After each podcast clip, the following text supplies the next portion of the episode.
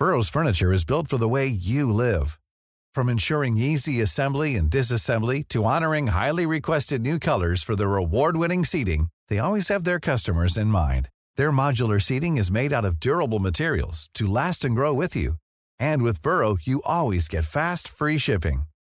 Get up to 60% off during Burrow's Memorial Day sale at burrow.com slash ACAST. That's burrow.com slash ACAST. burrow.com slash ACAST.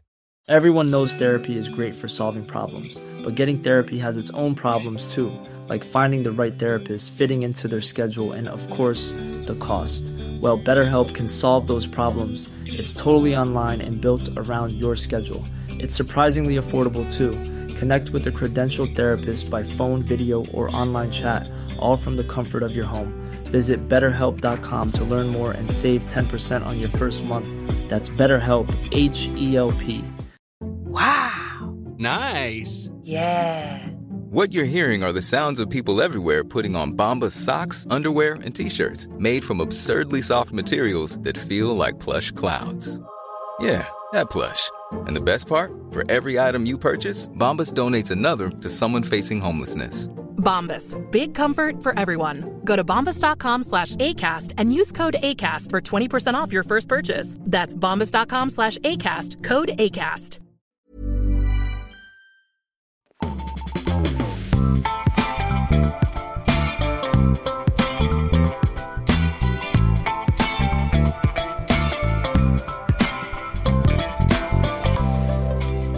Det är nyhetsshowen som sänder ut idag med Kalle Berg och kvinnan som faller som en sten på GPs maktlista, Ina Lundström. Ja, det- Kanske 36 mäktigaste personen i Göteborg numera. Ja, och det hade ju varit, vet du vad? Det hade skänkt mig ren och skär glädje om jag inte var den 35 i fjol.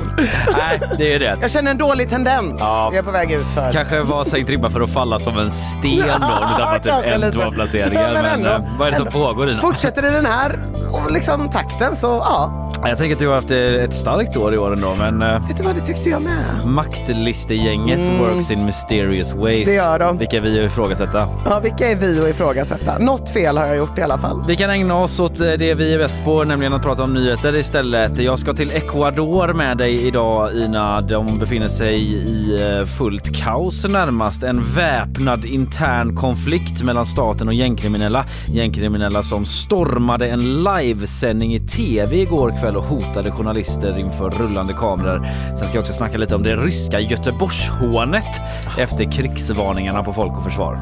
Finemang. Eh, Jag kommer prata ganska mycket om en eh, ja, men 25-årig lång rättstvist i England mellan eh, det brittiska The British Post Royal Office och en massa eh, människor som jobbar för posten i England.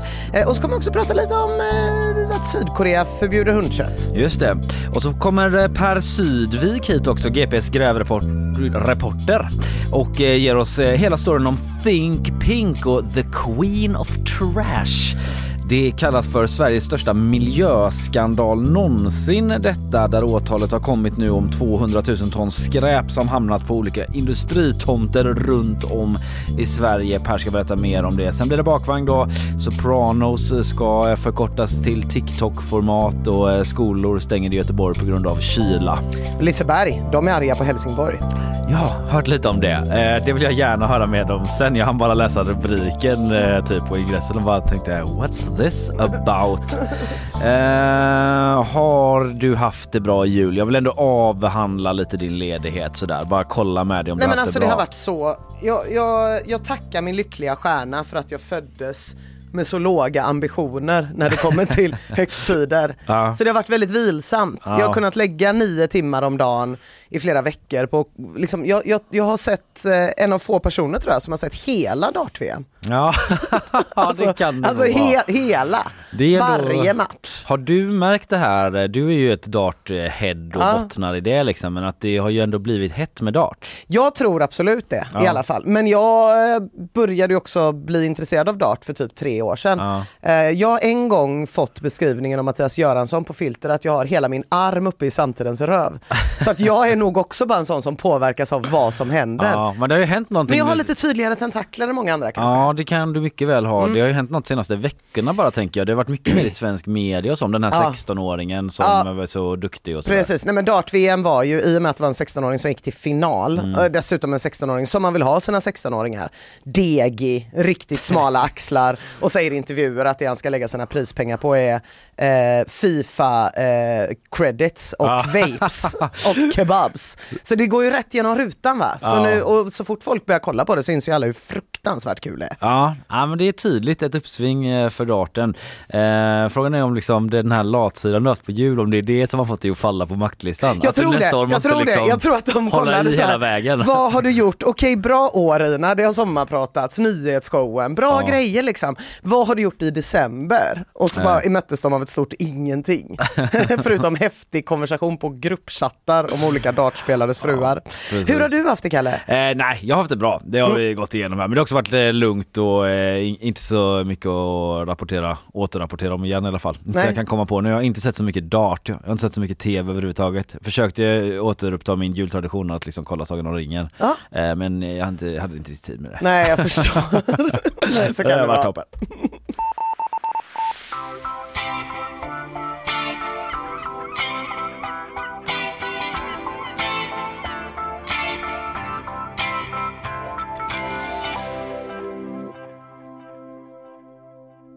Vi ska till Ecuador då Ina där eh, beväpnade gängmedlemmar stormade en livesändning i tv eh, i en studio där under gårdagskvällen.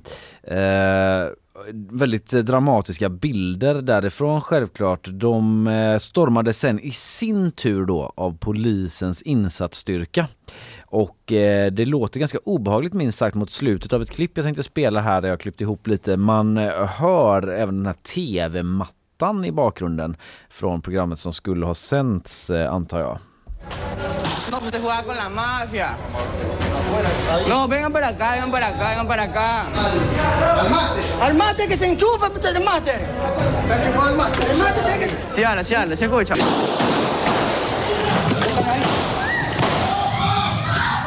Kaotiskt, eh, man hör på slutet där eh, skottsalvor och eh, polisen stormade in som sagt efteråt och ingen person ska ha dött i, vid den här händelsen. Mm. En person ska ha skadats enligt ecuadorianska medier och nu åtalas då de här gärningsmännen som polisen kunde gripa efter att de Ah, stormat okej. in för terrorbrott.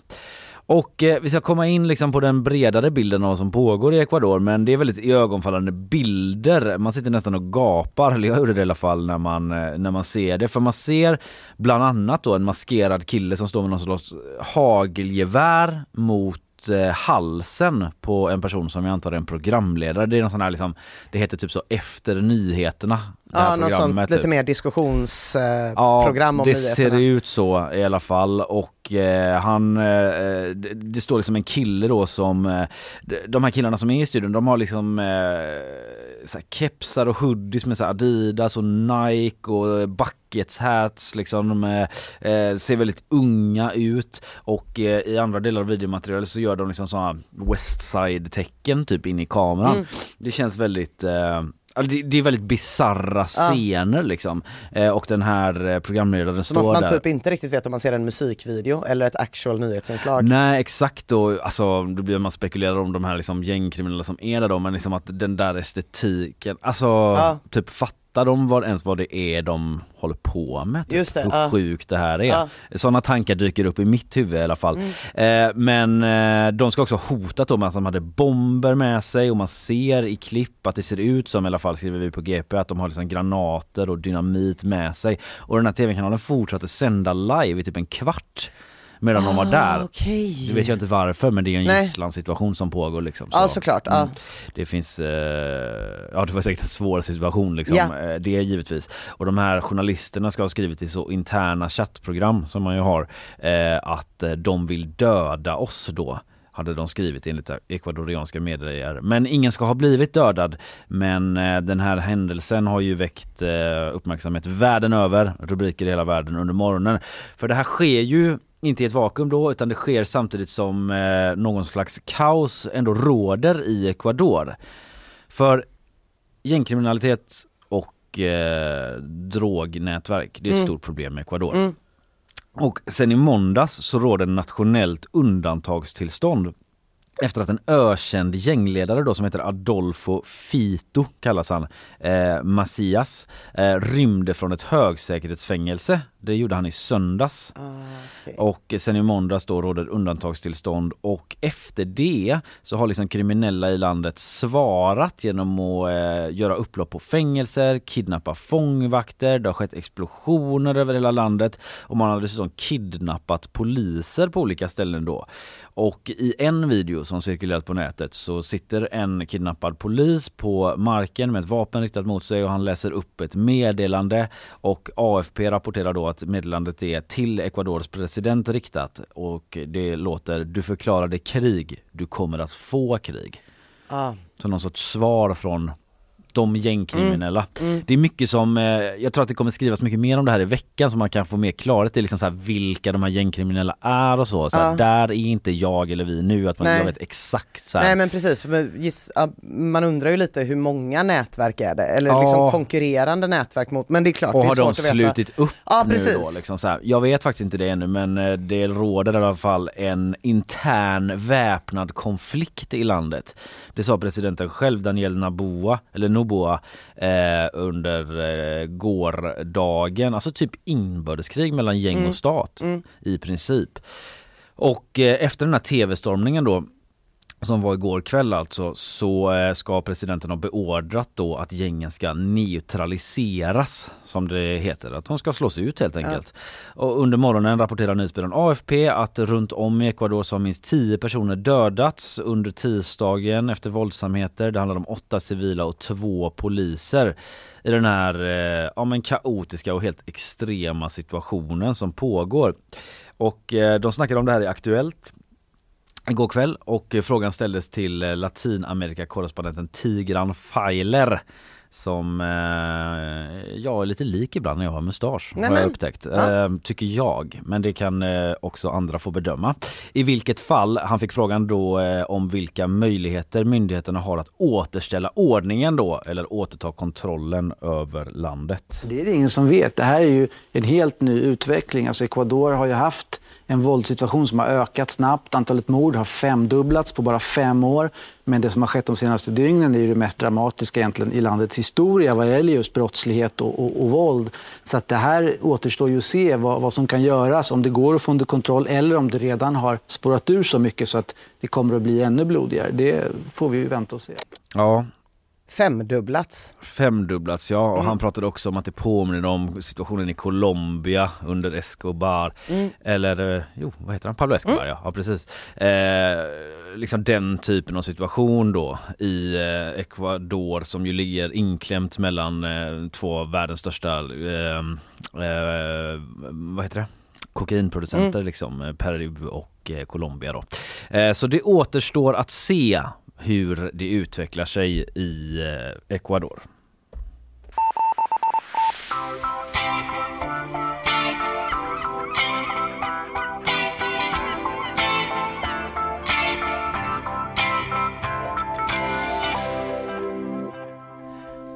Nu till en positiv nyhet. Ja. Ja. Hundkött förbjuds att ätas i Sydkorea. Ja, men det känns väl bra i magen. Ja, för de flesta ja. Det är en positiv nyhet på ett sätt. Ja. Men det är en ganska negativ nyhet för de som älskar att äta hund och bor i Sydkorea. Precis, det är en kulturell grej kanske. Ja, och de som har hundköttsfarmar i Sydkorea. För de är det också lite säkert. De ska i och för sig få hjälp med att skolas om till nya arbeten. Så att eh, eh, det var ju bra ändå. Men alltså Sydkoreas parlament har alltså röstat ja till att förbjuda hundkött som mat. Och det ska vara från och med 2027. Som Okej. det blir förbjudet att föda upp, slakta och sälja hundkött för att ätas. Gör man det ändå, då kan det bli två, tre års fängelse. Två till tre års fängelse. Ja. Där de står så så fy på dig. Fy, du ska inte Slår den på nosen äta. så lite. Ja precis, så här, det här var väl inte så schysst. Så Sydkorea förbjuder, men till alla hundköttsheads där ute så vill jag Mm. ändå ha lite konsumentupplysning och säga att det fortfarande är helt okej i till exempel Vietnam, Kina och Schweiz. Va? Ja. Schweiz? Schweiz. Okej. Det är tydligen inte jättevanligt men inom vissa byar i Schweiz eh, har jag lyckats läsa mig till här på morgonen så i samband med jul så äter man både hund och katt. Det är framförallt 100% lagligt i Schweiz. Det verkar inte vara jätteutbrett. Eh, det, det verkar vara mer omskrivet än att det sker men det sker Ja. och det är lagligt. Det här eh, chockerar mig. Visst visst gör det. eh, Jag antar att det typ är, det har du säkert inte kollat men att det typ är olagligt i Sverige. Det är olagligt i Ja. Sverige, det är det. Och det är, man kan inte gå och, på snabbköpet i Schweiz och köpa Nej. hund eller katt utan man får föda upp för egen konsumtion. Så det är lite som vissa gör med Mariana sådär att eh, ja, Mm. inga stora kattfarmer men har du en egen Mm. Det är nästan sjukare att man får äta sin egen katt. Ja jag tycker också Ja. det typ. Mm. Gud vad många fina katter du har. Verkligen. Jajamän. Om någon tycker Snart att jag är okänslig när jag pratar om de här sakerna Ja. så vill jag bara säga att jag ett har en hund Ja. och två eh, har en mamma som är från Minahassa i Indonesien. Vida känt som ett riktigt starkt fäste för hundkött. Eh, så att jag så. har tolkningsföreträde från båda håll, vilket känns helt otroligt. Safe. Safe, jag får säga vad jag vill. Skottsäkrad. Eh, dessutom äter jag ju inte kött. Nej. Vad fan, jag får raljera över det här hur mycket jag vill. Gud vad skönt, vi kör lite till då. Ja. Nej men eh, det är jättehemskt tycker jag såklart när jag är hos mamma i Indonesien och ser hundar som är på väg till marknaden för Mm. att säljas som kött. Men jag tycker inte det är så mycket värre än att se grisar. Det måste Nej. jag säga. Pojkdjup tanke kanske, men ändå Ja. makes you think.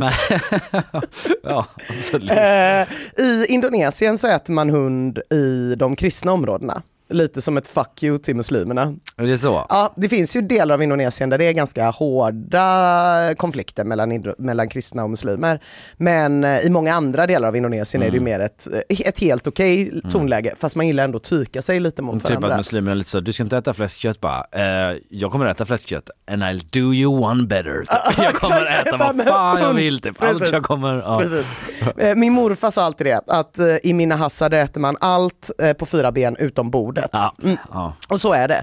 Så att eh, man äter väldigt mycket hundkött, framförallt kring festligheter. Och de bara, vi ska minsann äta det här bordet. Vi ska- You can't tell us. Nej precis, lägger man bara på sambal så brukar det mesta gå ner. det brukar också min morfar säga. Eh, Så att eh, det kommer ju fortfarande finnas kvar och det har ju ätits hund i Europa också. Men väldigt kopplat till krigstid och kristid då. Märker du hur jag hakar på ditt tolkningsföreträde? Ja, det var som att du är från väldigt- Indonesien? Att jag känner mig så himla fri om att prata om att de äter bord i Indonesien och sånt. Bara, jag väl inte det. Nej, du får lite, nej, Det kan du väl inte kan göra? inte sitta Nej, här men det är lugnt, jag det. känner en som har en mamma från Indonesien så jag kan skoja så. Ja precis, då är det helt klart. Det var väldigt avslappnad du blev. Ja. Vad skönt att du fick låna det i alla fall. Eh, Men det finns ju väldigt mycket djurrättsorganisationer runt om i världen som håller på och ligger på sina regeringar för att de ska förbjuda eh, hundkött. Man har ju lyckats med det i till exempel Thailand och Singapore, att eh, förbjuda hundkött då.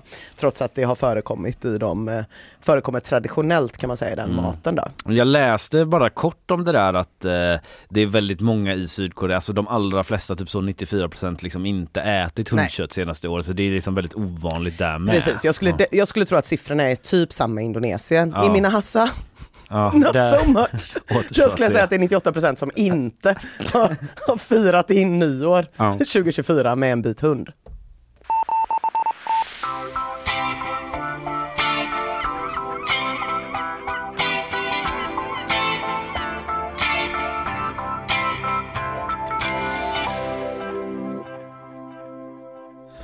Ja det pågår ju, eller har ju pågått Folk och Försvar i Sälen och jag tänkte prata lite om eh, reaktioner som varit där, inte minst från Ryssland då, som har haft en liten hånfull ton om Göteborg. Men innan vi gör det så eh, säger vi god morgon till dig Sofia Magasanik. God morgon. Du ska ge oss ett eh, nyhetssvep. Det stämmer. Varsågod. Under natten till onsdag inträffade en explosion vid en bostad på Körn. I bostaden befann sig två personer men ingen person har kommit till skada. Polisen har inlett en förundersökning om försök till mord och allmänfarlig ödeläggelse. Nationella bombskyddet och polisens, poli eh, polisens tekniker är på plats under onsdagsmorgonen och samlar in bevis och dokumenterar det inträffade.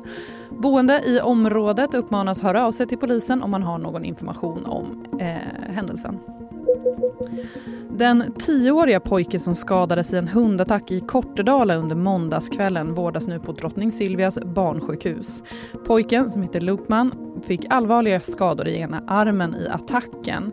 Det är ännu oklart hur länge pojken behöver vara kvar på sjukhus men familjen säger att de räknar med åtminstone en vecka. Hunden är omhändertagen av polis och vad som kommer hända med den bestämmer Länsstyrelsen. Familjen har polisanmält händelsen. Rapporterna om att nödhjälp till Gaza säljs på svarta marknaden och inte når fram till eh, blir allt fler. Nu vill regeringen ha svar från hjälporganisationerna. Biståndsminister Johan Forsell säger att det är viktigt att Sveriges bistånd till Gaza kommer fram till behövande. Ministern kommer att skicka brev till FNs hjälporganisation för Palestinaflyktingar, eh, UNRWA och World Food Program. Syftet är att säkerställa att det humanitära stödet går dit det ska och om det finns skäl att skärpa rutinerna. Tack Sofia. Tack. Eh, läste en artikel eh, igår på gp.se om eh, Fredrik Sten, han den här hundexperten mm. som typ har varit i tv en del och så angående det där i Kortedala liksom. Och det var verkligen ord och inga visor när han pratade om hur han skulle agerat om en hund attackerade honom. Att han sa sådär ja, liksom lite triggervarning för alla hundkänsliga att man skulle ta tag i kopplet och typ strypa hunden då. Mm, mm. Eh, kan ändå tipsa om den artikeln typ. Han var väldigt eh, bekymrad över det som skett där då liksom och eh, ja, pratade om det här med liksom hundavel och sådana grejer. För det var väl en hundattack till? Ja, ganska var... nyligen också eller? Ja precis, ja. På, ett, eh, på ett mycket yngre barn. Mm. Eh, precis så, och polisen har ju också gått ut med att eh, de råkade ju lämna fel information om en hundras vid ett sånt här tillfälle.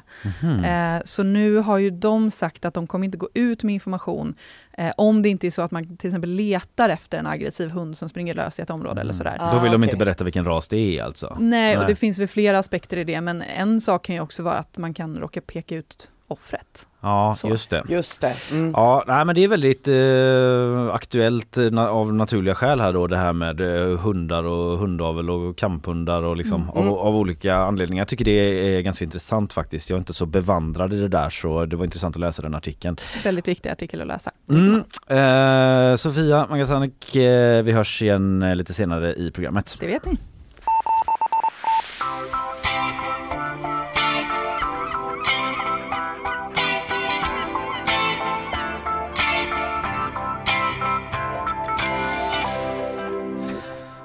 Det kan bli krig i Sverige och alla svenskar måste göra sig beredda på att försvara landet. Du måste förbereda dig Ina. Mm. Har du gjort det?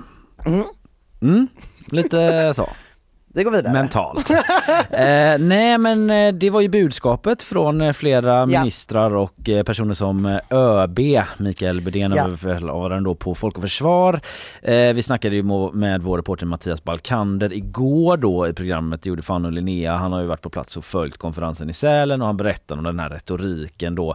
Det är ett högt tonläge, liksom regeringen vill ändå att alla ska förstå allvaret nu kring omvärldsläget, kriget i Ukraina som bakgrund där då till till eh, det höjda tonläget.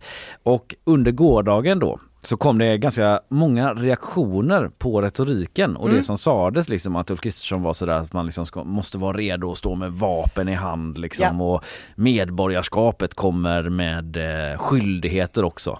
Då var Morgan Johansson med Livet som insats var det ju också många som reagerade på jag för mig. Ja just det precis och Morgan Johansson tyckte liksom att det var någon sorts kommentar om att eh, ja men liksom att invandrare måste förstå att mm. de, eller så att invandrare mm. kanske inte var beredda att försvara Sverige ja, på samma mm, sätt. Men då mm, tyckte mm. Carl-Oskar Bolin att bara, nej det är inte alls det han säger. Mm. Han menar bara liksom att alla måste vara beredda på det här. Så det var en debatt.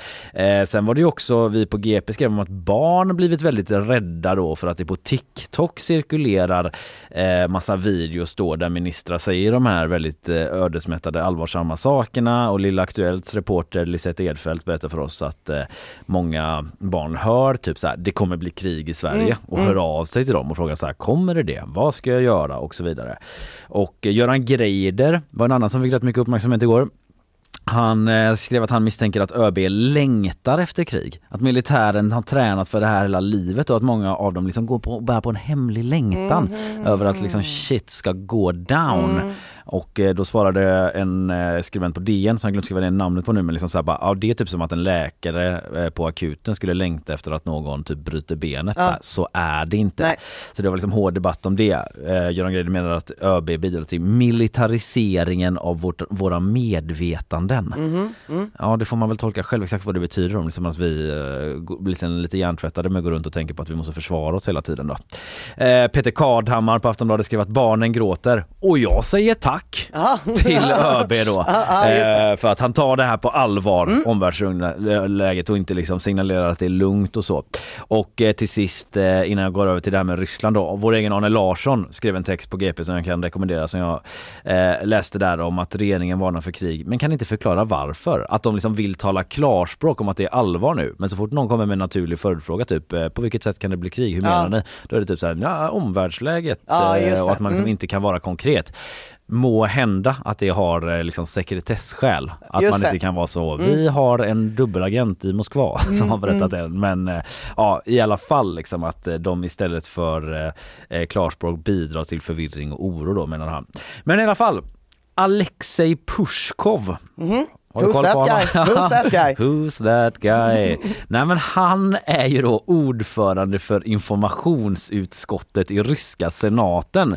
Så lite pinsamt att du inte visste det. Ah. Ja, det var lite pinigt. Ja, eh, men också en frekvent eh, telegrammare. Alltså telegram är ju en nyhetskanal i väldigt många andra länder på ett annat sätt än vad det är i Sverige. Liksom. Men han är väldigt aktiv där och eh, han, eh, som han själv eh, uttrycker då, han ägnar sig åt att liksom, kritisera USA, Europa, mångkultur och citat då i vår artikel allt vad Madonna förkroppsligar. Vadå, han, hans jobb är att kritisera Madonna.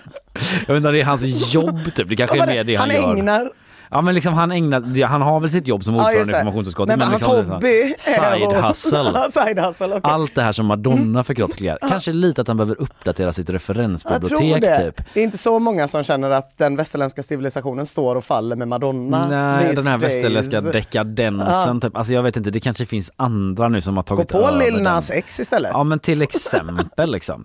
Eh, men han har i alla fall gått ut och hånat Sverige då läser jag på gp.se. Han snackar till och med om Göteborg. Nej. Han tar liksom vårt namn i sin mun. My name was on the street. Känner jag då. jag känner också det. My name is my name. Motherfuckers! Ja, Ja men det han säger då är att Sverige är typ bäst i klassen vad gäller antirysk propaganda och att Sverige har som främsta sysselsättning i livet att fiska ryska ubåtar. Att vissa i Sverige har det då. Så han har... alltså det eh, finns ju kanske enstaka individer i Sverige. Ja, som, som, men jag vill inte att vi som folk. Nej, han säger i och för sig vissa i Sverige. Ja, Så där okej. har han väl inte fel i sak Nej. kanske. För Det finns de som tycker jättemycket om det. En och annan finns ju.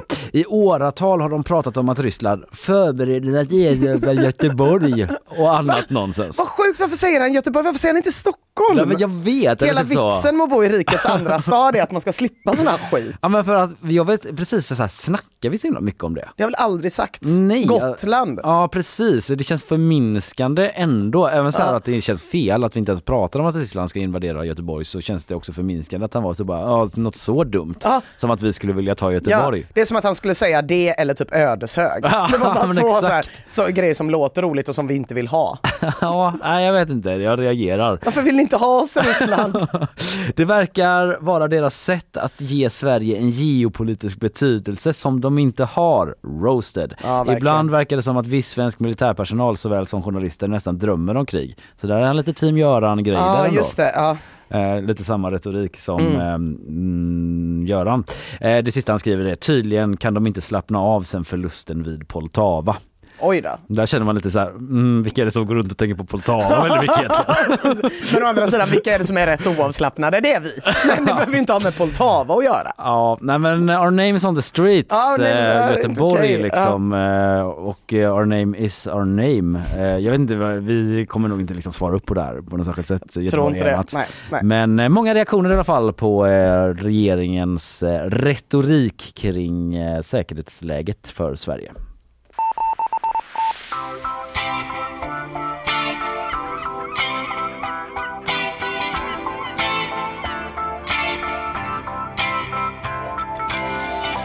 Göteborg versus Ryssland. David och Goliat kan man ju säga. Ja, Mm. lite så. Eh, en ny, en till David och Goliat blir det nu. Mm. För häromveckan så släpptes en ny miniserie i England som heter Mr Bates vs The Post Office. Post Office. Mm. Låter inte svinrafflande, men det är ganska spännande. Det handlar om en skandal i England som har utspelat sig under hela 2000-talet. Och som har hamnat i strålkastarljuset igen på grund av den här serien som Mm. har kommit. Okej. Eh, finns inte på någon svensk streamingtjänst vill jag bara säga, så SVT, Vakna eller någon annan. Eh, för att gå igenom själva skandalen lite snabbt då.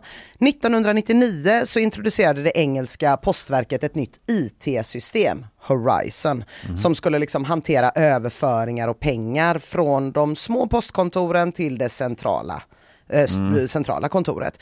Eh, Och, och det är ganska likt det engelska postsystemet, det svenska. De flesta postkontoren drivs av privatpersoner som Mm. också har typ en närbutik men också en liten post. Ah, ja, just det. Du vet Mm, sådana här mm. ombud liksom. I England så antar jag att det inte är, är som här, att det är en tobakskiosk utan mer typ en lanthandel eller Ja. Ye old shop of, ye old shop of yarn eller Ye old pube. Ye old Pub. pube eller någon smedja eller någonting. Ja. Jag antar att det är så, för de som driver de här kallas för subpost master eller subpost mistress. Det är så jävla engelskt. Subpost Mistress Lundström. Subpost mistress and yarn shopper Lundström. Vi kallar dem underpostmästare för att inte vara helt sjuka i huvudet. Men kort efter att Horizon då introducerades, Ja. då började flera av de här underpostmästarna märka att de hade ett underskott i kassorna. Oh dear. Underskott på min underpost. en underskott på, ett underskott på min underpost. Det är lite så galenskaperna. Offentliga sektorn-rappen tänker jag på. Verkligen. Core Kalle Berger liksom. Humorkanon.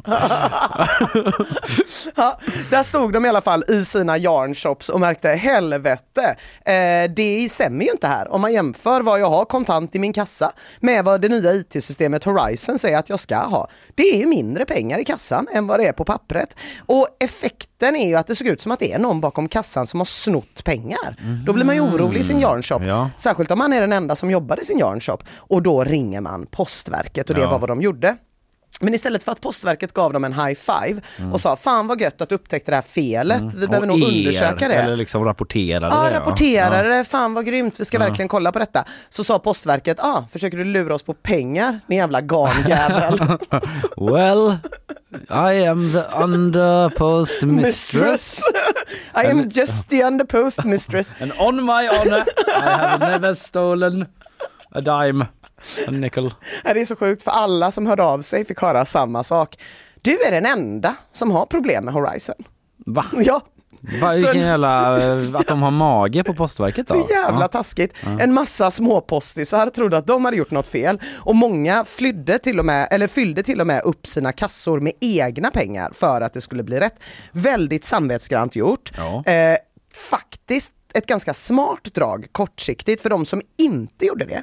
De åkte fast för stöld och bedrägeri istället i fucking mängder. Oj. BBC skriver att mellan 1999 och 2015 åtalade Postverket 736 underpostmästare, vilket i genomsnitt är en i veckan Ja. under väldigt många år. Ja. Eh, Alla hamnade inte i fängelse, men även de som inte gjorde det tvingades betala tillbaka massa pengar som de absolut inte hade snott. Mm. Och folk blev ju av med sina jobb, de blev av med sitt goda rykte, många blev hemlösa. Det går att koppla fyra självmord till den här skandalen också. Och det kan man ju tänka sig att liksom i väldigt många sådana här små byar finns det inte ens ett bankkontor. Utan byborna de gör liksom alla sina ärenden på ditt postkontor. Mm. De är dina kunder och dina grannar. Och så får man höra så att den jäveln har försnillat pengar. Mm. Och sen får man belåna huset för att kunna betala betalat tillbaka pengar men inte ens har snott. Det är faktiskt en jävligt sorglig historia men ljuspunkten i allt det här det är då Mr Alan Bates Mm. och hans sambo som den här tv-serien handlar om. För Mr Bates han var också underpostmästare men han märkte att det var underskott i hans kassa då skrev han liksom ut vartenda kvitto, Ja. varje logg, allt han hade, gick igenom rad för rad och lyckades till slut hitta felen som Hori- Horizon hade gjort då. Och Han kunde liksom nollställa typ alla felaktiga överföringar, klarade sig därför från fängelse och hela den grejen.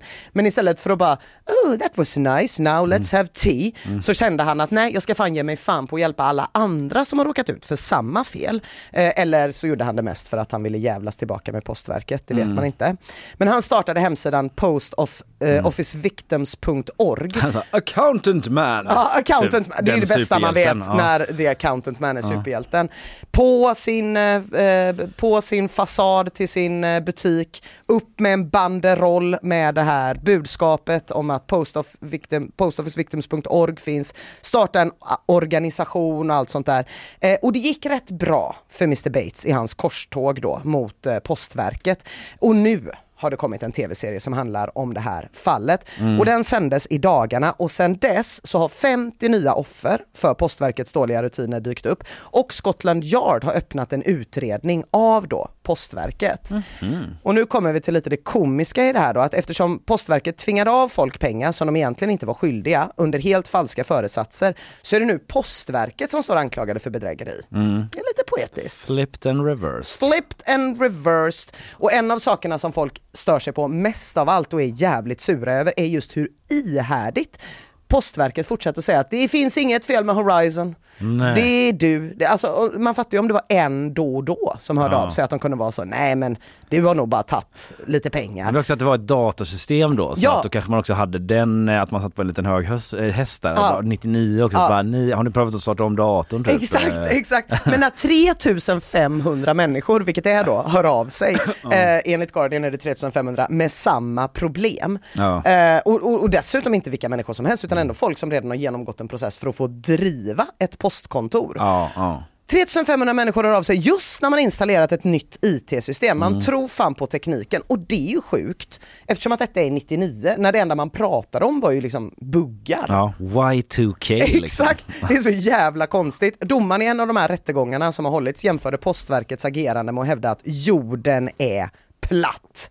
Eh, men eh, Postverket, de sket i det. Istället åtalade de en i veckan i 15 år innan de kanske tänkte kan vara systemet det är fel på. Ja. Vad kan det vara med Horizon? Horizon? Jag har försökt hitta ett uttalande från Horizon. De Mm. har inte uttalat sig någonstans.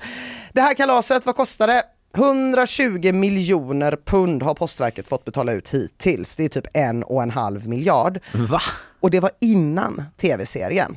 Eh, Så den summan kommer nog växa. Oj, vad mycket pengar. Mm. Runt 100 personer hittills har fått sina domar upphävda och den summan kommer nog också eh, växa. Och hon som var chef för Postverket under den här perioden, Paula Venables, fick någon sjuk engelsk hedersorden 2019. Commander of the Order of the British Empire för sina insatser i postväsendet då. Och det är sjukt många britter som har skrivit på en lista och krävt att hon ska liksom inte få ha den här titeln. Och igår kväll, Kalle, kom nyheten att Venables själv har lyssnat på kritiken och nu lämnar tillbaka den med omedelbar verkan. Den där eh, Hederstiteln. hederstiteln. Så funkar det ju inte i England utan det är alltid kungen som måste Ja. se till att Man- revoke the S- Ser title. framför sig kungen, du vet, sliter bort medaljen så Ja. Och hon biter sig i läppen så bara.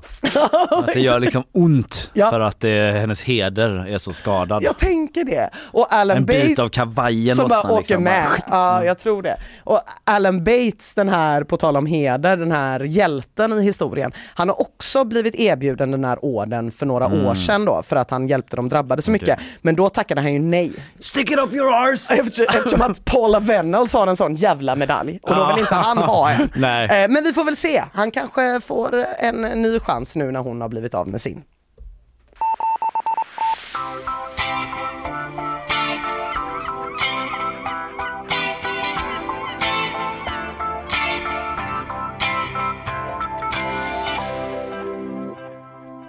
Per Sydvik heter en man som är grävreporter på Göteborgs-Posten och han kommer in i studion här om en liten stund. Han ska berätta för oss om Think Pink. Ett eh, företag som ägnade sig åt att ta hand om skräp från byggarbetsplatser då. Eh, men eh, istället för att man återvann skräpet så liksom hamnade det eh, på olika liksom, övergivna industritomter och sånt runt hela landet. Folk kanske har hört om det här.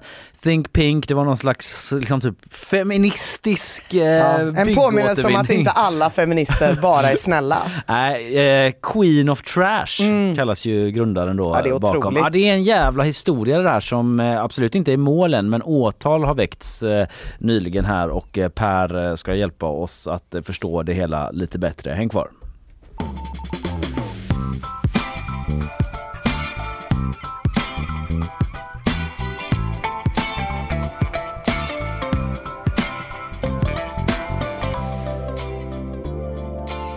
Nyhetsshowen live från GP-huset 10 januari. Ina Lundström, Kalle Berg och eh, vi har fått hit dagens gäst. Under flera års tid så drog företaget Think Pink in miljoner på att ta hand om skräp från byggarbetsplatser eh, i Stockholmsområdet inte minst. Men istället för att återvinna skräpet så hamnade minst 200 000 ton skräp. Det är 11 fulla Skandinavier det, eh, Ina. Oj. Ja, det hamnade på landsbygden och i olika industri tomter och fastigheter runt om i landet och nu är Bella Nilsson, även känd som Queen of Trash, grundaren för Think Pink, en av 11 åtalade i eh, vad åklagarsidan kallar då för Sveriges största miljöbrottsmål någonsin. Eh, och med oss nu för att reda ut vad det här handlar om och ge oss en inblick har vi då Per Sydvik, reporter på grävredaktionen här på GP. God morgon Per! Ja, god hej, morgon. hej, god morgon. Hej, hej. Du, eh, det här företaget Think Pink, de eh, bedrev sin verksamhet mellan 2015 och 2020. Om du bara skulle beskriva, eh, jag var ju lite inne på det, men affärsidén, hur såg den ut liksom? Mm. Jag kan först bara säga att de eh, var ju igång längre än så, men det är den tiden som eh, de här 11 är åtalade för. Ah, okej. okej. Mm. Det var ett äldre företag, det startade redan 1998. Ah, ja. Men just Think Pink då och de här 11 åtalade då är sedan 2015? kan man Ja, säga. alltså Mm. brottstiden som Mm. mm. åklagarna Mm. säger. Mm. Och vad är det de ägnat sig åt? Ja, de ägnar sig åt att, med ganska stenhård eh, marknadsföring med Bella Nilsson som frontfigur samla in eh, rivnings och byggavfall. Mm. Och eh, med löfte då om att de skulle miljömässigt ta hand om detta och ja, processa det helt enkelt, återvinna det. Mm. Jag tycker det är ganska spännande Eh, jag hade inte tänkt ha det nu men nu vill jag göra det ändå med det här med, du sa med ganska liksom intensiv marknadsföring och att de heter Think Pink och det här eh, och eh, att hon var en frontfigur. Liksom, hur stor betydelse hade det för typ hela operationen tror du? Att det liksom fanns någon sorts feministiskt anslag nästan? Mm. Ja, hon stack ju ut i den här hårt gubbe gubbebetonade världen som Ja. återvinningsbranschen är. Så att det hade säkert eh, en stor betydelse. Alltså, omsättningen för Think Pink eh, sköt ju verkligen i höjden när hon kom in. Mm. Och så tänk att du har en sån byggarbetsplats också som har ett jämställdhetsmål. Ja, som är så här, du måste använda minst 20% kvinnliga underentreprenörer. Ja. Sitter man med en lista och är så, think pink! Ja. Men fan, det verkar som att vi kan nå vårt mål i Ja. år igen gubbar. Och, och de hade sådana rosa liksom sopsäckar och... Ja, absolut. Och, och rosa containrar och rosa bilar åkte ju ledningsgruppen omkring i. Och, Mm. Ja. Ja, men vi ska återkomma lite till eh, hon eh, Bella Nilsson lite senare då. Men eh, om vi stannar kvar i liksom ja, verksamheten. Alltså, verksamheten var alltså då, vi åker till byggarbetsplatser, det låter ju svingött, man har en byggarbetsplats, man blir av med massa bös, de kommer och hämtar det eh, och tar hand om det på ett bra sätt, tror man, men det var inte riktigt det som hände va? Nej, det var ju inte det. Alltså kan vi säga att en del av det blev kanske riktigt eh, hanterat. Men väldigt mycket av det som de samlade på sig blev ju liggande runt om i landet. Mm. Och det är det som är brottet här nu då att de inte, åklagarna anser inte att de hade någon avsikt att ta hand om det på ett riktigt sätt.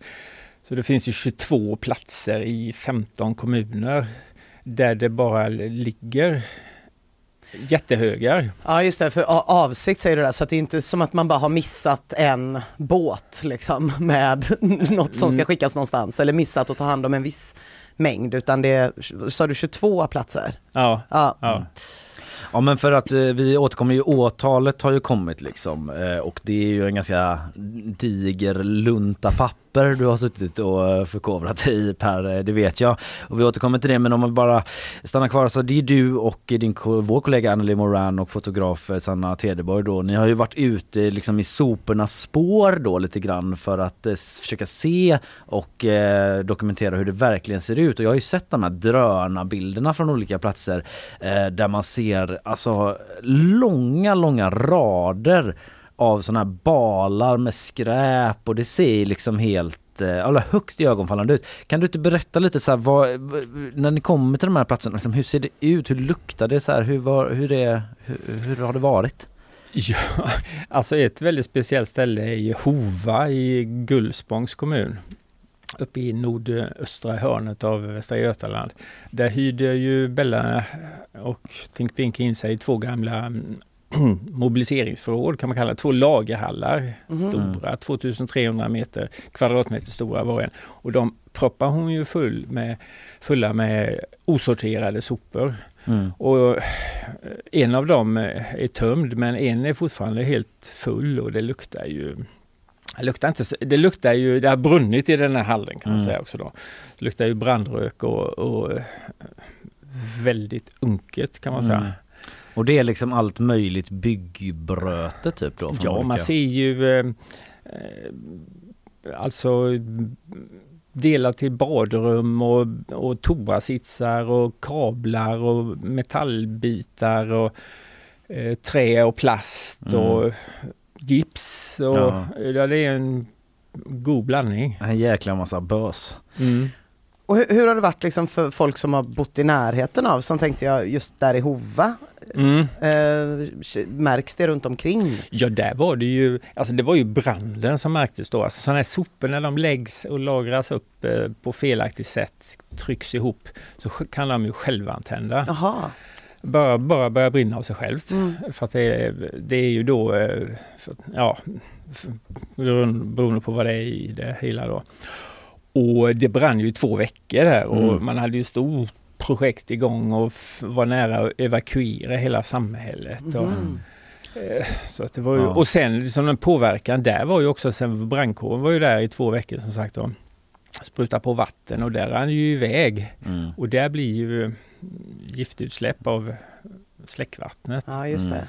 Men det är bara så att folk hänger med för då är det liksom att Think Pink då har hyrt in sig på den här marken och i de här lokalerna. Mm. Och de personerna som har hyrt lokalerna, de har ju bara förväntat sig då att de ska lagra skräp här för att sen flytta det vidare och återvinna det på korrekt sätt. Eller? Mm. ungefär så. Ja, han Georg Sjödahl heter ju mannen som vi träffade som Mm. äger de här eh, lagerhallarna. Han hyrde ut till Mm. Bella Nilsson. Och, Han säger ju själv till dig där i ett klipp att han har åkt på en jätteblåsning. Ja. ja. jo, det får man ju säga att Ja. han har. Han hade väl de här tomma och så behövde han ha in lite enkla pengar då genom att Mm. hyra ut det och, och sen skulle det flyttas då. Och nu står han där med, att, med en jävla massa skräp. Som han själv får ta hand om. Ja. Ja. Och bekosta och få bort. Ja. Ja. Ja.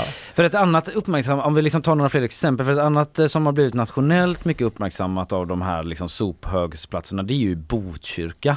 Mm. Eh, där brann det i flera veckor och liksom boende har flyttat därifrån för att det har varit så jäkla illa med brandstanken och folk som har astma liksom har jätteproblem.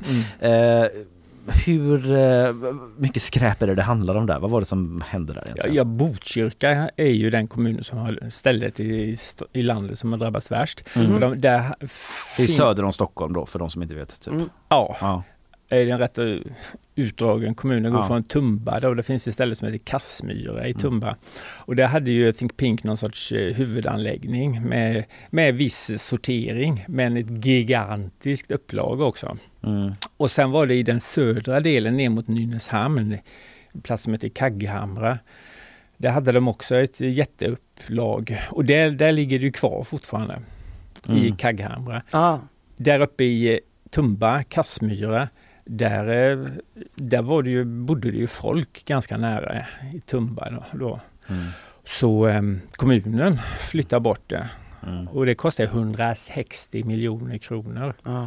Och det- 100, mm. 118 miljoner har kommunen betalat och 42 miljoner har Naturvårdsverket sponsrat med. Mm. Men det är pengar som, det landar typ på skattebetalarna till slut. Det landar ju på skatt. Sen kan man ju försöka då processa mot eh, Think Pink men eh, lycka till säger jag. Det kan man nog Ah, inte. Få tillbaka de pengarna? Nej, nej. Nej. Varför inte det då? För de har konkat nu och... Ja, de Mm. har ju konkat eh, hårt.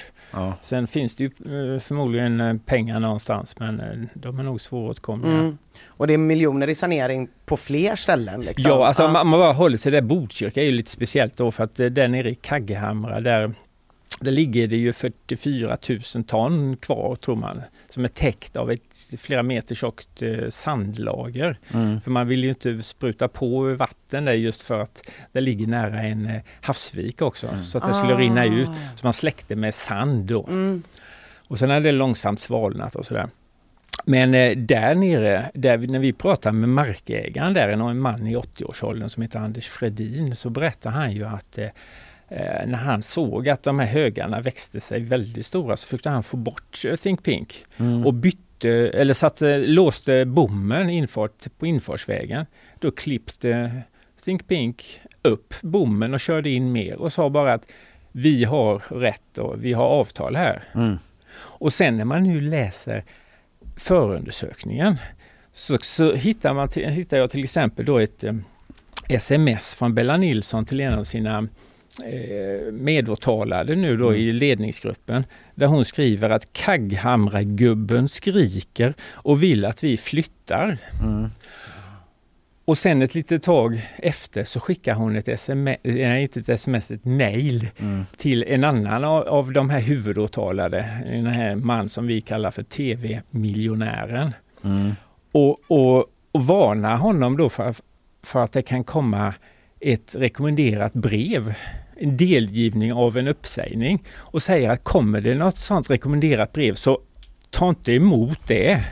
Lös inte ut det. Ja. Och han svarar då att han svarar så här att okej, jag skriver aldrig på delgivningar. Nej. Och vid den tidpunkten var den här mannen då som vi kallar TV-miljonären Mm. VD i Think Pink. Ah. Varför kallar ni honom TV-miljonären? Ja, vi har ju liksom inte, jo det gör vi för att em, han har varit med i eh, program i en reklam-tv-kanal. Ah. Så här svenska miljonärer Mhm. har han berättat om. Och vi har väl inte vi har inte än i alla fall kommit fram till att vi ska namnge honom. Nej, så nej. kallar vi honom TV-miljonär. Men en person som vi kan prata om det är ju Bella Nilsson då som vi har varit inne Mm, på här. Om mm. vi bara ska ta eh, vem hon är lite grann. Hon är en av eh, huvudpersonerna i Think Pink och står åtalad nu då tillsammans med tio andra personer i hela härvan. Hon har ju en lite intressant historia. Vem är hon? Ja, hon är en kvinna från eh, Iran ursprungligen som, som kom hit och eh, eh, flyttade till en eh, syster som bodde i Skövde. Mm. Och sen så bodde hon i eh, Malmö. Hon gifte sig med en svensk man och eh, jobbade, hade Mm. vanliga jobb i Malmö men det var liksom, det var inte hennes grej riktigt. Hon hade större drömmar. Ja, hon ville ha pengar alltså. Mm. Ja. Och Vad Och- gör hon då? då? Hon liksom börjar i en helt annan bransch än den här sophämtarbranschen. Ja, då, då tillsammans med en kompis i Malmö så svarar han på en annons och börjar som strippa i Stockholm Ja.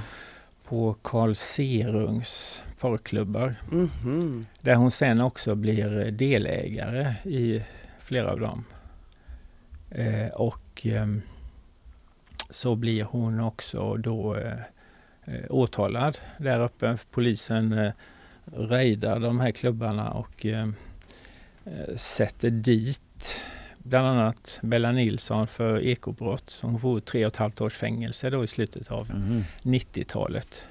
Och det där är ju en rättegång, det är ju liksom kraftig gangsterinkoppling i det där målet Mm. Okej. när hon fälls. Det är ju den här då gamle eh, kände gangstern Mille Markovic. Ja, han har man hört om. Han, han, han är med där. Men sen då så efter detta så tar hon sig ändå liksom tillbaka då på något sätt och lyckas dra igång det här med Think Pink. Mm. hon, eh, hon eh, är utomlands några år säger hon i förundersökningen i Thailand och i, hon har släktingar i Los Angeles. Och, och sen kommer hon tillbaka och, och gifter sig med, med en man då från uh, Tullinge Mm. som, vi, som, också, som är bland de elva åtalade. Mm. Som vi kallar exmaken. För Mm. De har skilt sig Mm. nu senaste åren. Och han har, han, exmaken, han hade ju en NMT som Think Pink formellt heter då. Okej, så han ah, så han hade det där, för du sa från sent 90-tal, så Ja. han hade det där företaget från sent 90-tal, 2015 kommer Bella in, byter Mm. till Think Pink. brandar upp det liksom med hela den Och här... eh, hottar upp det. Det får man verkligen säga. Fast, fast man ska säga, det är liksom inte det, var ju ett företag, alltså från början höll det på att deala med något annat med eh, livsmedel tror jag då, men sen någon gång i eh, runt eh, början av eh, 2000-talet så gick de över till återvinning och då började omsättningen stiga i det här NMT-bolaget till sådär 45 miljoner. Men, Ah. men sen när Bella Nilsson kom in, jag tror hon säger själv att hon, eller exmaken säger att hon tog över 2011 redan. Ah, okej. Då, då gick ju omsättningen upp och, och när den var som störst då innan krasch, innan de eh, anhölls och gre, greps och anhölls så- var den 148 miljoner. Mm. Det är ett jättebolag eller liksom... Ja, alltså Det är mycket pengar. det är mycket pengar. Ja. Var det i samband med det de gick i konkurs då, när de åtalades och greps? Ja, Eller? de greps ju då i september 2020 Ja. och sen så eh, gick bolagen i konkurs i oktober 2020. Mm. Men vad säger hon själv då? Du har ju suttit med förundersökningen. eh, Vad är liksom hennes kommentar kring hela åtalet just då? Ja, hon, alltså hon, några, i några förhör så pratar hon lite då. Mm. Och framförallt, alltså det är en gång 2019 då när hon är misstänkt för eh, eh, miljöbrott i, eh, i Skultuna. Mm. Då, då pratar hon lite, då gäller det bara Skultuna. Men sen, man kan säga efter att hon greps, det stora tillslaget eh, september 20, Mm. så säger hon ingenting i Nej. förhören. Och när hon säger någonting, hon kan få rätt så detaljerade, rätt så tekniska frågor av, eh, av polisutredarna. Mm. Så säger hon, så har hon ett standardsvar. Det är häxjakt. Okej. Ah, okej. Och punkt Hon- liksom. Ja, Ja. punkt. Häxjakt. Ja. Så jag vet inte. Men det finns ju, eh, de har ju en försvarare liksom. Mm. Vad är försvar, vad är deras linje? Hur ställer de sig till anklagelserna juridiskt så sett? Ja, för, för, ah, Jan Tibbling som är Bella Nilssons advokat, han, han eh, kör ju på den linjen att eh, det här är ofta, det här är fråga om gamla industrimarker. Mm. Mm. Och gi- gift, och visst, de är, det är gift i marken, men det har funnits där sedan tidigare. Ja. Mhm. Det går inte att knyta det till eh, Think Pinks Ah, okej. sopor. Mm. Så att, eh, sorry. Men det är också någonting om att de så här, vi tänkte faktiskt sortera det. Ja, och sen så säger Mm. han ju att, eh, eh, att de, eh, de var på gång med massa saker då, bland annat Mm. sälja hela bolaget. Men också att göra rätt. Men eftersom Bella och hennes exman och en som vi kallar för den miljöansvariga greps så stoppade allting det här upp. Ah, okej. Hela för, och, och det stämmer ju. Alltså, jo. för, företaget tvärdog ju Jo, jo. när, när de åkte in. Mm. Och, och därför så blev det problem. Mm. Gripandena orsakade problemen Ja. är, är ju en försvarslinje. Men vad, vad, vad tror du då? Hur troligt tror du det är att man lyckas döma de här elva personerna? Ja, alltså det ska nog gå vägen för åklagarna på eh, en hel del av dem för att det, det är ju rätt, det är rätt uppseendeväckande eh, åsidosättande av alla regler. Alltså Mm. det, eh, och sen finns det ju, man kan säga att det finns ju två grupper då. Det- Dels, alltså, det finns ju de här sex huvudmisstänkta då. Det är ju Mm. Bella exmaken och en miljöansvarig och en miljökonsult och Mm. en, eh, en eh, som vi kallar transportledare. Mm. De är Eh, i den e- ena gruppen. Ja, och sen är det fem gubbar Ja. som två stycken från Laxå som är företagare där som har tagit emot och lagrat upp och Mm. låtit, Mm. låtit det ligga. Och sen är det tre män, markägare just i Norrtälje kommun alla Mm. tre. Och de är ju rätt speciella för de, de har inte köpt, de har fått tiotusentals ton med sopor som de har använt för, som fyllnadsmaterial. En har, alltså för att bygga vägar på sina Mhm. marker Jaha. och en har lagt, anlagt eh, hästpaddockar heter det ju. Men så ska man väl inte göra? Så får man inte göra, så får man verkligen inte göra. Och sånt där, det ska ju vara rena massor Mm. och, och sånt där som kostar pengar. Men då har de ju fått det gratis. Ja, gammalt Ja. bös bara. Gammalt börs lagt ner där och de är ju med också då. Mm. Vi hinner kanske inte fördjupa oss i det just Nej. här och nu men så här, det finns ju ett åtal som rör ekobrott och det finns också miljöbrott. Alltså det är liksom, det är ett ganska, det är ett stort åtal och det är liksom Mm. ganska komplicerat ändå. Och eh, jag rekommenderar verkligen alla att läsa, ni har ju flera publiceringar om det men liksom ett, ett långt reportage där man Ja, det är får- svårt att fatta innan man ser bilderna. Ja, de, de vill jag man ju verkligen Också. tipsa om för Ja. det, då får man en tydlig bild av hur iögonfallande detta är, verkligen. Men sen så tänker jag bara liksom, vi, ska, vi ska liksom måste börja runda av snart men jag tänker på när man ser de här bilderna och hur Mm. det ser ut och allt detta du beskriver så dyker ändå frågan upp så här, hur kan det här hända? Man tänker på Sverige som ett land som har så himla mycket regler och byråkrati och liksom sådär. eh, Mm. Eh, Men det kanske, man kanske har en felaktig bild där. Är det liksom lite vilda västern eller så här, hur kan det hända? Ja, här skulle jag säga att det är en kombination av eh, tama lagar. Mm. Alltså, och exemplet på det, det är ju då den här regeln som vad jag förstår fortfarande gäller, att, att man får så, så kallat mellanlagra avtal, i- eh, avfall Mm. i tre år. Just det. Ja. Och, och sen, och, och det och det har man ju varit väldigt medveten om och, och Bella Nilsson pratar själv i förhand om att ja, men vi roterar materialet. Ah. Och det är just det att man, när, legat, när kommunerna har börjat klaga på att nu, fan, nu har ni haft eh, alldeles för mycket liggande alldeles för länge. Och då skickar hon in ett gäng lastbilar och transporterar bort. Till Botkyrka istället? Ja, eller, Eller till någonstans. eh, Laxå eller Ah. till någon annan del av landet. Ut med det. Får det Och så- ligga tre år Och till? så får det ligga tre år Ah. till. Jaha.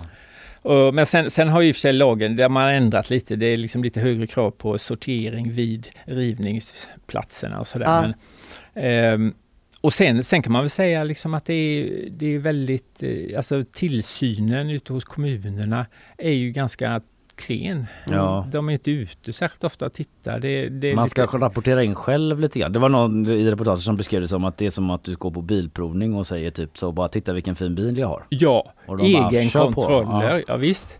Och sen har ju en av de här, måste bara säga, en av de här sex eh, huvudmisstänkta då, är en miljökonsult. Ja. Alltså som har jobbat på ett av de riktigt stora multinationella eh, miljökonsultfirmorna. Mm. Som då Think Pink tog in för att få en front, som hon Mm. själv säger då. Mm. Och den här mannen, han, eh, han är ju, har ju fuskat med miljörapporter. Mm.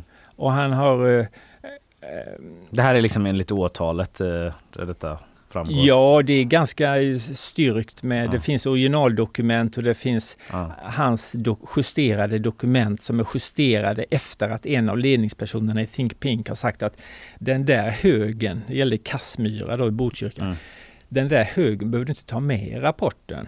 Och då tog han bort en avfallshög så att de kom ner under den här 10 000 tons Mm. gränsen som Mm. de hade.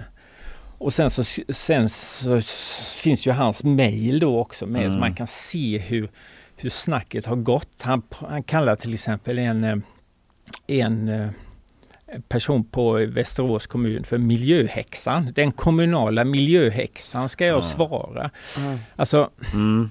Ja det är en eh, gedigen lunta papper du sitter med där Per och det kommer komma fler nyheter och eh, vi vet ju inte när åtalet eh, drar igång och hur länge det kommer pågå. ja, åtalet är väckt men Ja, ja, rätte- ja, förlåt. rättegången kan nog dröja ett år, säger en, sa en av åklagarna. Innan det börjar. Innan det börjar. Ja, vi får säkert anledning att återkomma ja, redan innan dess kan jag tänka mig. Men vi sätter punkt där Ja. i nyhetsshowen kring detta för nu och eh, vi tipsar om mer läsning på gp.se då. Eh, tusen tack Per Sydvik, eh, grävreporter på GP för att du gästade oss idag. Ja, tack. Tack, tack. Ja, det finns många detaljer i den där eh, utredningen, Ja. åtalet som eh, Per har koll på. Som sagt, läs mer på gp.se. Man blir ju ändå extra nyfiken på hela den här liksom framgångshistorien när det är en person som så, hon tog sig från botten till det här. Jag googlade lite snabbt på olika sådana näringslivsartiklar med, eh, som hade några år på nacken då, men liksom de står framför rosa Ah, ja. plastpåsar. Mm. Och det är ju någonting med när en sån superentreprenör lyfts till skyarna Mm. och sen skrapar man lite i, Det är också roligt på att fasaden. typ tänka på hur det, var, liksom, lite hur det var vid 2015, Ja. så här med det, typ den feministiska vågen. Man kunde vara var- queen av vad som Ja, helst. Girlboss liksom och sådär och Mm. det fanns ju säkert många, så här, jättemånga som var det. Är du utanför ditt tolkningsföreträde igen? Är det det du försöker säga du, känner, du, du hör, alla hör på mig när jag börjar bli osäker. Ängslig kring eh, liksom typ så feminism och rasism och sånt där. Men det är väl bra, där får man ju vara på sin vakt så man inte gör bort sig. Eh, nu eh, har vi med oss en som jag aldrig sett göra bort sig, Sofia Magasanik. Ja, eh, välkommen till första gången jag kommer göra bort mig då. då. Ja, vi får väl se nu när jag liksom lanserar dig som så. Du, eh, vi ska eh, prata om någonting helt annat, eh, eller hur? Det stämmer. Eh, men sjukt intressant eh, det där med Think Pink bara Mm. hakar jag på här, men det är inte det vi ska prata om nu. Eh, jo, vi ska prata om eh, covid-19. Ja. kommer vi ju alla Ja. ihåg och lever vi med till viss del fortfarande.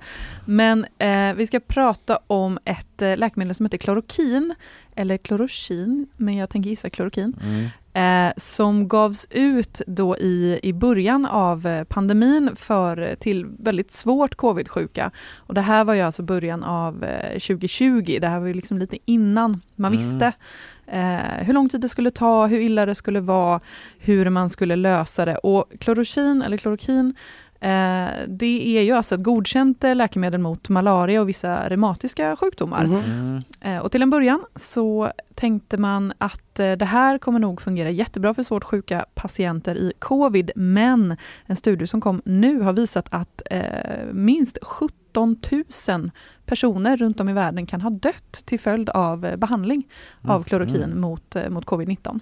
Okej. Oj, och, och, men, då, men ehm, då är det någon kombination av covid och klorokin, alltså nu, jag är ju inte läkemedelsexpert men jag antar om, om man ändå ger det för andra sjukdomar, typ malaria, så Mm. kan det väl inte ha den dödlighetseffekten där utan då måste det vara att det var extra dåligt att ge det till människor med covid gissar jag. Ja, precis. Det här var ju, dels var det ju inte så efterforskat eh, hur det här skulle reagera eller hur det, ja, hur det skulle funka helt enkelt. Men sen så upptäckte man då att vissa, dels att det var väldigt svårt att dosera eh, klorokin i eh, behandling av eh, covid-19 eh, till skillnad från riktlinjer som finns liksom i andra behandlingar.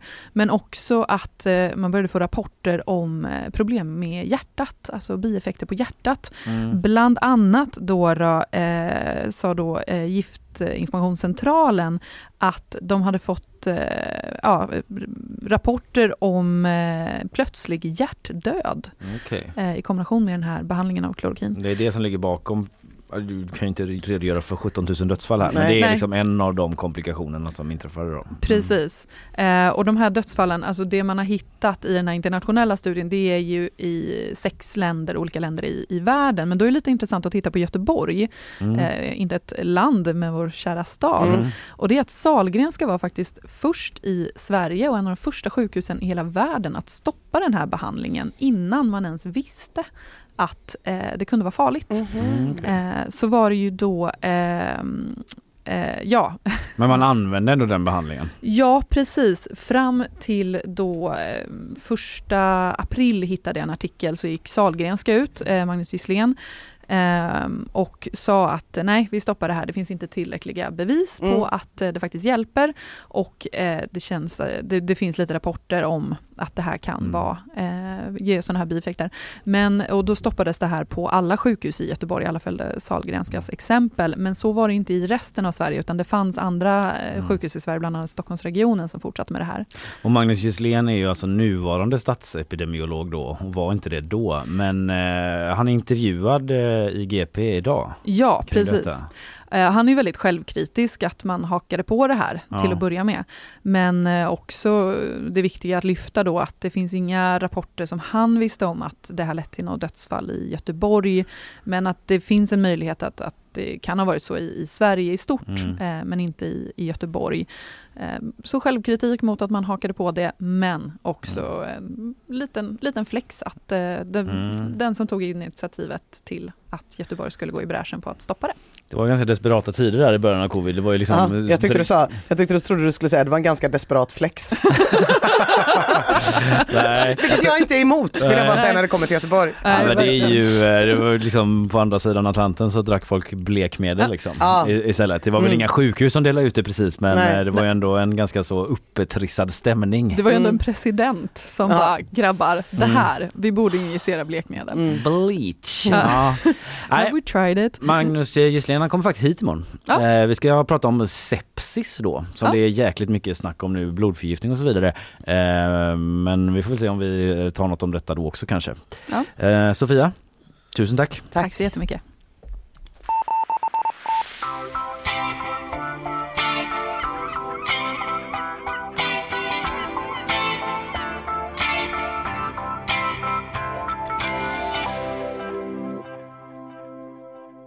Du, eh, lite kulturnyheter. Ja tack! Nu har vi haft pannan i djupa veck här Ja, länge. ja. Nu liksom lutar vi oss tillbaka och tar eh, en eh, kulturnyhet. Sopranos Mm. fyller 25 år i år. Och det firas med att de ska, ja hur firas det? Hur tror du att Mm, de ska fira det här? 25 år, eh, ja han är död huvudpersonen. Ja, James Gandolfini. Eh, att eh, alla tjejer måste vara tysta när alla killar pratar om Sopranos. Vi ger det till det. Då vi börjar Ni får nu. det av oss, Nu ja. börjar det.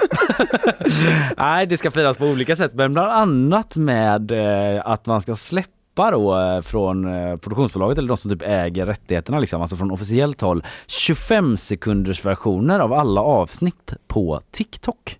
Alltså att man ska koka ner och kondensera Mm. ihop de här, ja timslånga avsnitt är det väl ungefär, eller 45 minuter i alla fall till 25 sekunder då. Jag räcker upp handen nu Ja. för att jag vill inte bryta mitt löfte om att fira Sopranos för att Mm. låta dig prata. är Men okej. eh, är inte det här ett slag i ansiktet på alla Sopranos killar? Jag tror att ganska många Sopranos-killar känner ungefär så här. All right, let me get the fuck out of here. När man liksom eh, slås eh, med full kraft av samtiden och koncentrationssvårigheterna Ja. som det. Mm. Jag, liksom, jag ska säga att jag är liksom ingen sån här mega Sopranos-kille. Jag har absolut sett det. Jag har liksom växt upp med det Mm. och eh, jag tycker det är ganska bra. Mm. Eh, men det finns ju andra Sopranos-killar Säger typ, du och tittar på Karl? ja, i det här rummet Mm. som typ ser om det just nu. För Ja. jag vet inte vilken gång i ordningen. För att kunna Eh, uppröra sig själv ännu mer över de här nedklippta versionerna tror Ja, jag. det, gå runt, kunna gå runt hemma och säga typ så här. Oh, hey, Madon! och sådana där saker. Eh, men ehm, Ja, man kommer också släppa då massa nytt så här bakom kulisserna material. Fem timmar långt Ja, bakom så kulisserna. killarna fick en present i alla Ja, det fall. Det är Indiewire som skriver om det här och dessutom ska man släppa en massa bortklippta scener. Och tydligen är det så då att Sopranos redan är väldigt meme-använt på TikTok. Eh, vilket jag kan förstå, Mm. för det är ändå ganska mm, slagkraftiga repliker och lätt att skoja om. Eh, men som den jag körde till exempel, typ när man stöter på förändring. Typ Twitter byter namn till X. All right, let me get the fuck out of here. Ja. Att man Ja. kan känna så. Mm. Eller när man läser vissa rubriker. Jag tar en som jag läste för ett tag sedan. Notch, Byredo och Jens Lapidus satsar på svindyr tandkräm. Ska göra borstningen sexig och cool. All right, let me get the fuck out of here. Att man kan känna så. Jo, det kan man absolut göra. när man liksom, det är som en gammal gubbe som reser sig ur en stol och säger Ja. Let me get the fuck Ja, out när of man here", vill inte liksom. vara med med, det är Ja. sant. Kim Kardashians frisör vill skiljas. All right, let me get the fuck out of here. Han var inne i nyhetsflödet liksom. Eh, det verkar i alla fall vara eh, något som, har, som sker då och då att bolag eh, klipper ner sina verk och släpper dem på TikTok. Till exempel Mean Girls eh, la upp i 23 olika klipp då 97 minuter av filmen. Jaha, är den inte 97 minuter? Eller vad är det, 98? Det står 97 minuter av filmen, den kanske är det. Ja. Eh, Det kanske är hela filmen Det men det var så jä- de uttryckte det på IndieWire okej, ja, typ. förlåt, förlåt. jag vet inte men eh, det var i alla fall på National Mean Girls Day Ah. eh, som finns. Eh, Sopranos-dagen är ju alla andra dagar. Mm, så tjejerna får en Men dag. tjejerna verkar ändå ha fått hela sin film medan killarna bara får se sitt älskade hjärteverk bli nerhuckt till små bite-size memes. Så att kanske till och med tjejer kommer ha kollat på hela Soprano. Jag har sett hela Soprano kommer tjejer säga och så kommer killarna bli glada. Och sen kommer de få höra att de bara sett dem Ja, eller hur? Mm. Eh, och eh, ja, men det, det ska ske i alla fall. Så man undrar liksom om det kommer hända även med originalmaterial, eh, om det är en trend liksom att man kommer TikTokifiera det. Just Att det. det ska liksom eh, även, eh, typ om man skulle göra Gudfadern idag, att man liksom Mm. delar upp det i klipp typ. Ja, att ja, nästa ja. stora Hollywoodfilm bara kommer i 20, 30 sekunders klipp. Det är inget som kanske talar för det, jag vet Nej. inte men det är en spekulation från min Jag sida. har tittat på många typ hela Louis Theroux grejer på TikTok. Mm, vad är nu Ja men det är han som åker runt och gör lite olika Ja. intervjuer. Han är lite weird men pratar ofta med grovt kriminella eller eh, konstiga sekter eller Ja. sådär. Men det känns lite Ja, tänkte just, eh, Vice-TV-aktigt. typ. Vice, ja. Men ibland när jag är inne på TikTok så dyker det upp någon sån och så Mm. blir det är allt, de är alltid väldigt spännande så då Mm. börjar man kolla och sen så helt plötsligt så är det så här spellistan en av 22. Mm. Och helt plötsligt har man sett ett helt tv-program Ja, fast på det. TikTok. Och då kanske man måste börja anpassa materialet från början tänker Mm. jag till att passa i sådana klipp. Eller så behöver man inte det kanske. Nej jag tror inte det egentligen. Då tar jag tillbaka det. Ja, det... Då ändrar jag mig. Eh, men i alla fall, eh, det finns många goda Sopranos-memes där ute. Så här låter jag när jag ser en sån. That's a good one. Eh, ja, eh, slut på rapport om Sopranos eh, 25-årsjubileum.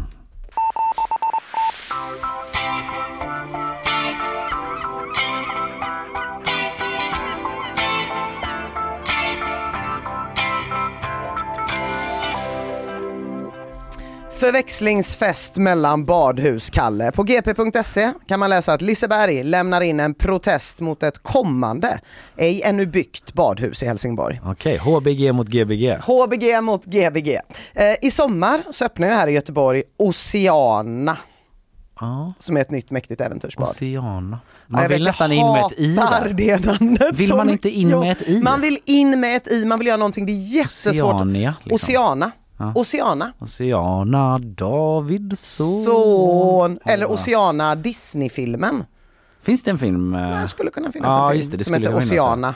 Ja. Men den är jävligt svår. Men skit i det nu. Mm. För att jag menar badhuset kommer bli mäktigt enligt dem själva i och för sig. Så kommer det saknas till motstycke i Skandinavien. Men med tanke på hur otroligt dåliga äventyrsbad vi är uppvuxna med i den här delen utav världen. Ja. eh, Så är man ju jävligt taggad. Alltså man är uppvuxen med att det är Lerum Mm. som gäller. Man får ta ja. tåget till Lerum. Och ingen det- shade på Lerum. Det är ändå de som har gjort att man har kunnat åka någon annan vattenrutschkana än Åbys i sin Ja. uppväxt.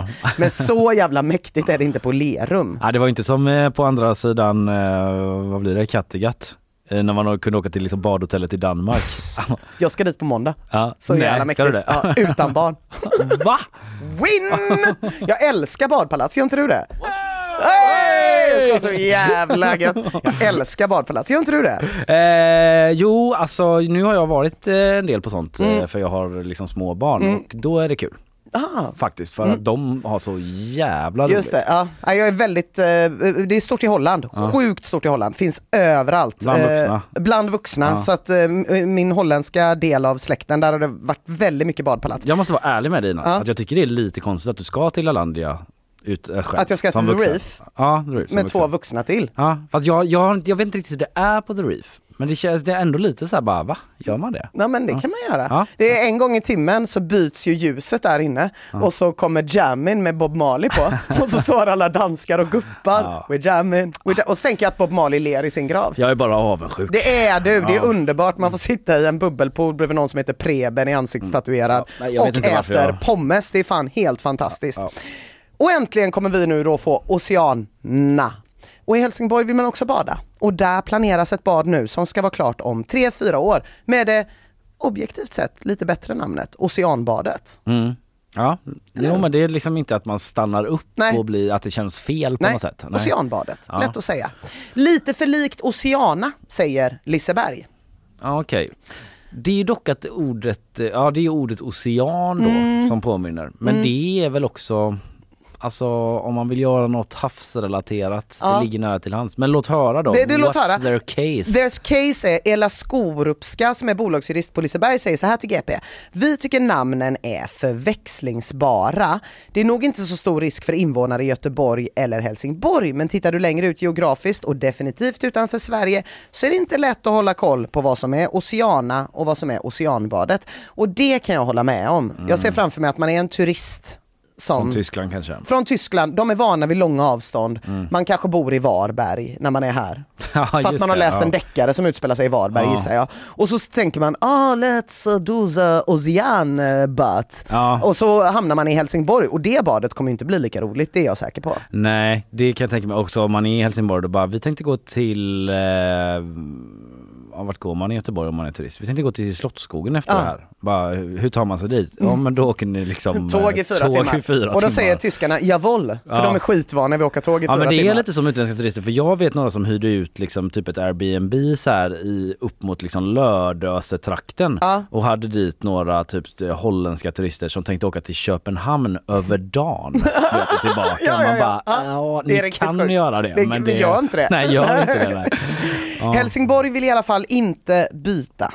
Och det är inte så konstigt för deras Oceanbadet ska byggas på ett ställe som redan heter Oceanhamnen. Och då är det väl kanske ganska rimligt ändå. Mm. Eh, Mattias Johansson Pertus som är ser- eh, servicedirektör i Helsingborg stad säger till GP, jag tror inte det finns någon risk att man blandar ihop. Det är ändå 20 mil emellan och folk har nog koll. Jag har svårt att se att en tävlingssimmare som ska tävla i Oceanbadet kommer stå med sin nummerlapp och badmössa utanför Oceana. Bara dyker i ett sånt tävlingsdyk ner i en sån strömpool typ. Lisebergskaniner som kastar grejer på en. Ja. Ja, nej, Ja, ja. Så det vi, får, vi får se, men Liseberg är inte nöjda i alla fall.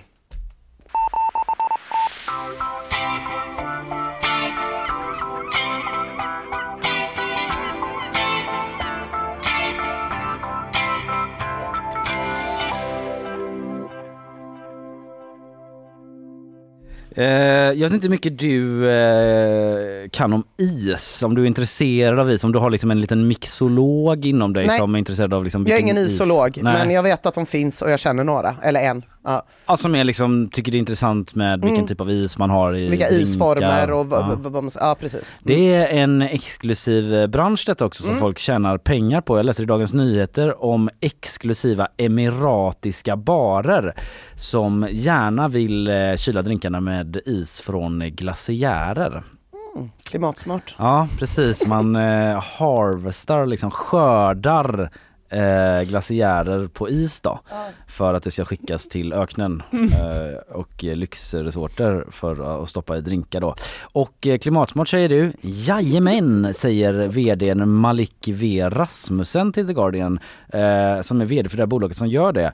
Eh, jag tror att jag sattes på den här jorden för att hjälpa Grönland i sin gröna omställning Men, säger han. nej, men nu måste vi pausa. Ja, Ja, men så här. Eh, det är ett, eh, ett grönländskt företag som eh, precis har skickat sin första last då med eh, is eh, till Emiraten från Grönland. Och det är ingen unik affärsidé heller eh, skriver DN utan det är flera liksom, grönländska restauranger då som använder glaciäris för att ha det i drinkarna. Och då är man på jakt efter en liksom särskild is som varken varit i kontakt med glaciärens topp eller botten. Mm. Det är liksom den mest eftertraktade isen då av någon Mm. anledning. Eller av en anledning bland annat att den är helt genomskinlig. Ja. Och väldigt, det är att den är exklusiv. Ja.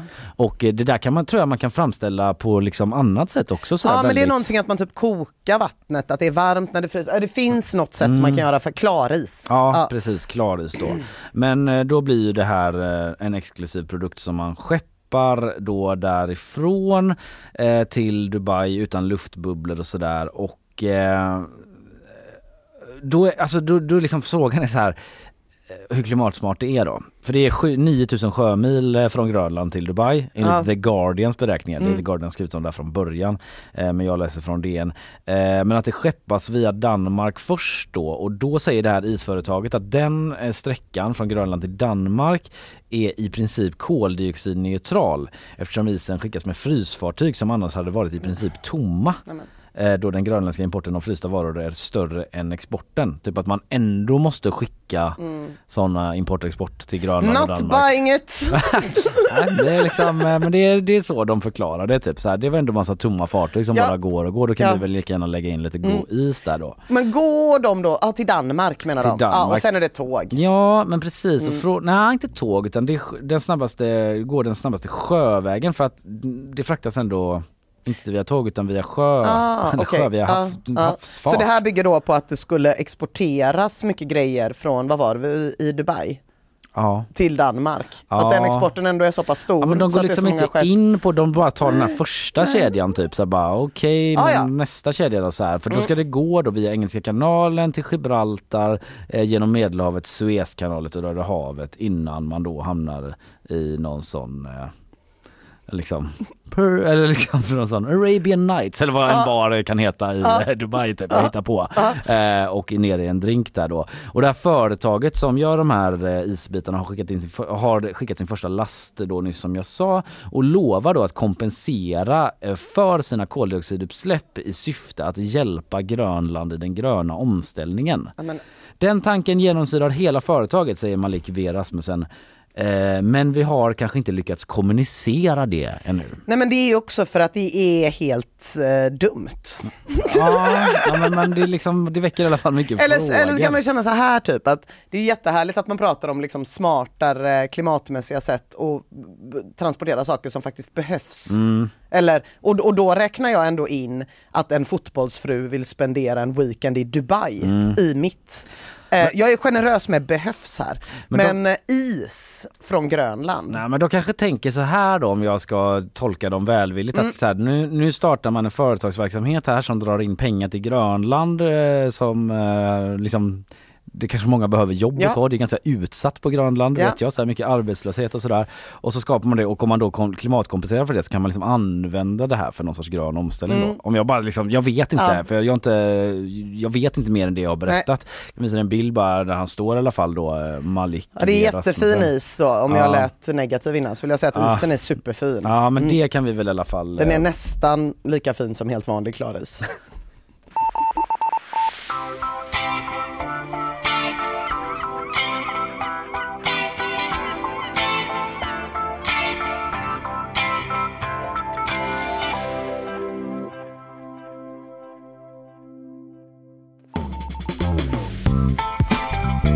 Yes, imorgon eh, kommer um Magnus Gisslén hit. Ah, eh, jag har ju stats- varit här när han har varit här några Ja. gånger. Det är otroligt trevligt. Ja men det är ju det, han är statsepidemiolog eh, så eh, vi kommer också, eh, ja, vi kommer prata om sepsis ska vi göra för det är en sån här grej som det har skrivits jäkligt mycket om eh, senaste eh, tiden.